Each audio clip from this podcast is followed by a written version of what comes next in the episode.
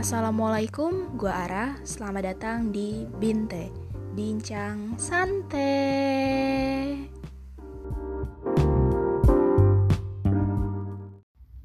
Sekitar satu atau dua bulan yang lalu itu gue dapet pertanyaan dari kakak gue gini.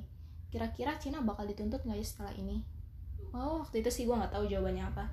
Cuma gue cari tahu, cari tahu, cari tahu sampai akhirnya gue nemu jawaban yang ternyata emang beberapa negara di Amerika Serikat itu udah menuntut ganti rugi ke Cina karena mereka mengalami krisis ekonomi akibat pandemi COVID-19 ini. Kan emang yang kita tahu pandemi COVID-19 ini berasal dari Cina meskipun kita nggak tahu pasti lokasi awal mulanya entah di pasar hewan entah di mana kan kita nggak tahu. Nah, yang jadi pertanyaan selanjutnya itu apa emang Cina benar-benar bisa dituntut Nah, di sini gue mau uh, cerita sedikit tentang sepemahaman gue terkait hukum internasional. Dalam hukum internasional itu ada istilah tanggung jawab negara. Artinya, suatu negara bertanggung jawab atas tindakan yang bertentangan dengan kewajiban internasional negara tersebut. Nah, tanggung jawab negara ini akan muncul apabila ada tiga karakteristik.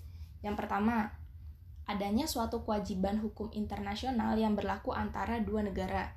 Artinya, negara yang akan dituntut ini harus memiliki kewajiban yang mengikat pada negara yang akan menuntut. Yang kedua, adanya perbuatan yang lalai dan melanggar kewajiban hukum internasional. Yang ketiga, adanya kerusakan atau kerugian akibat tindakan melanggar kewajiban tersebut. Komisi Hukum Internasional atau dalam bahasa Inggrisnya itu International Law Commission yang disingkat menjadi ILC yang dibentuk oleh Majelis PBB di tahun kalau nggak salah itu 1947 ini udah membahas pasal-pasal terkait tanggung jawab negara tersebut. Mereka melakukan studi dan kodifikasi mulai tahun 1953 yang alhamdulillahnya itu selesai di tahun 2001 setelah diadopsi sama Majelis Umum PBB.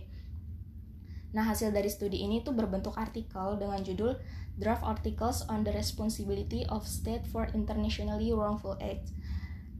Ba, e, bentuk tanggung jawab yang diatur dalam artikel itu berupa kompensasi dan resolusi. Nah, dalam artikel itu dijelaskan suatu negara dapat dikatakan bersalah apabila memenuhi dua syarat. Syarat yang pertama yaitu tindakan itu merupakan pelanggaran terhadap hukum internasional, bisa berupa perjanjian internasional, kebiasaan, maupun asas hukum internasional. Di syarat yang pertama ini harus tahu dong berarti dasar hukum internasional yang mana yang dilanggar terkait perkembangan pandemi ini. Berhubung ini soal isu kesehatan, maka dasar hukum ini mengarah ke International Health Regulation atau IHR tahun 2005 yang diadopsi oleh WHO. Masalahnya di, regulasi ini nggak memberikan sanksi mengikat pada negara yang melanggar IHR, IHR tersebut kalau mau dikatakan sebagai kebiasaan pun uh, rada sulit karena COVID-19 ini kan kasus baru, kecuali sebelumnya sudah ada kasus dan hal ini terulang lagi. Nah, syarat yang kedua yaitu tindakan tersebut terbukti dilakukan oleh suatu negara yang dituntut. Nah, syarat ini kemungkinan sulit untuk dibuktikan karena di sini negara harus terbukti melakukan suatu tindakan yang mengakibatkan pandemi tersebut menyebar. Kalau Cina dituntut, itu dia bisa melakukan pembelaan diri, seperti yang tertera di pasal 21 dan 22 di Draft Articles on the Responsibility of State for Internationally Wrongful Acts ya gitu deh. Dengan syarat pembelaan diri tersebut itu harus sesuai dengan ketentuan yang ada di piagam PBB. Nah, Cina juga bisa um, menggunakan dalil force major yang artinya kekuatan keku, yang artinya kekuatan yang lebih besar. Nah, force major ini juga diatur ternyata dalam draft articles bla bla bla bla bla itulah ya itu diatur di pasal setelah pasal 21 dan 21 dan 22 yaitu di pasal 23 di pasal 23 nah kekuatan yang lebih besar ini artinya kekuatan itu tidak bisa ditolak dan di luar kontrol negara.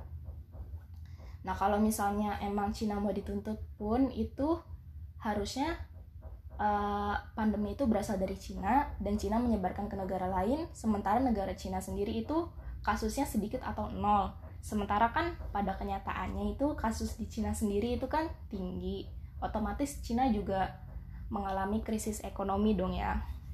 Jadi ya kita sama-sama berjuang melawan pandemi ini jadi nggak cuma negara lain yang kena tapi Cina sendiri pun kena jadi emang hukum internasional yang bisa uh, diberikan ke Cina yaitu cuma berupa rekomendasi rekomendasi supaya selanjutnya itu jangan sampai ada kejadian kayak gini lagi rekomendasi supaya selanjutnya itu nanti ada mitigasi-mitigasi yang dilakukan untuk mencegah terjadinya hal-hal uh, yang seperti inilah ya gitu jadi begitu teman-teman.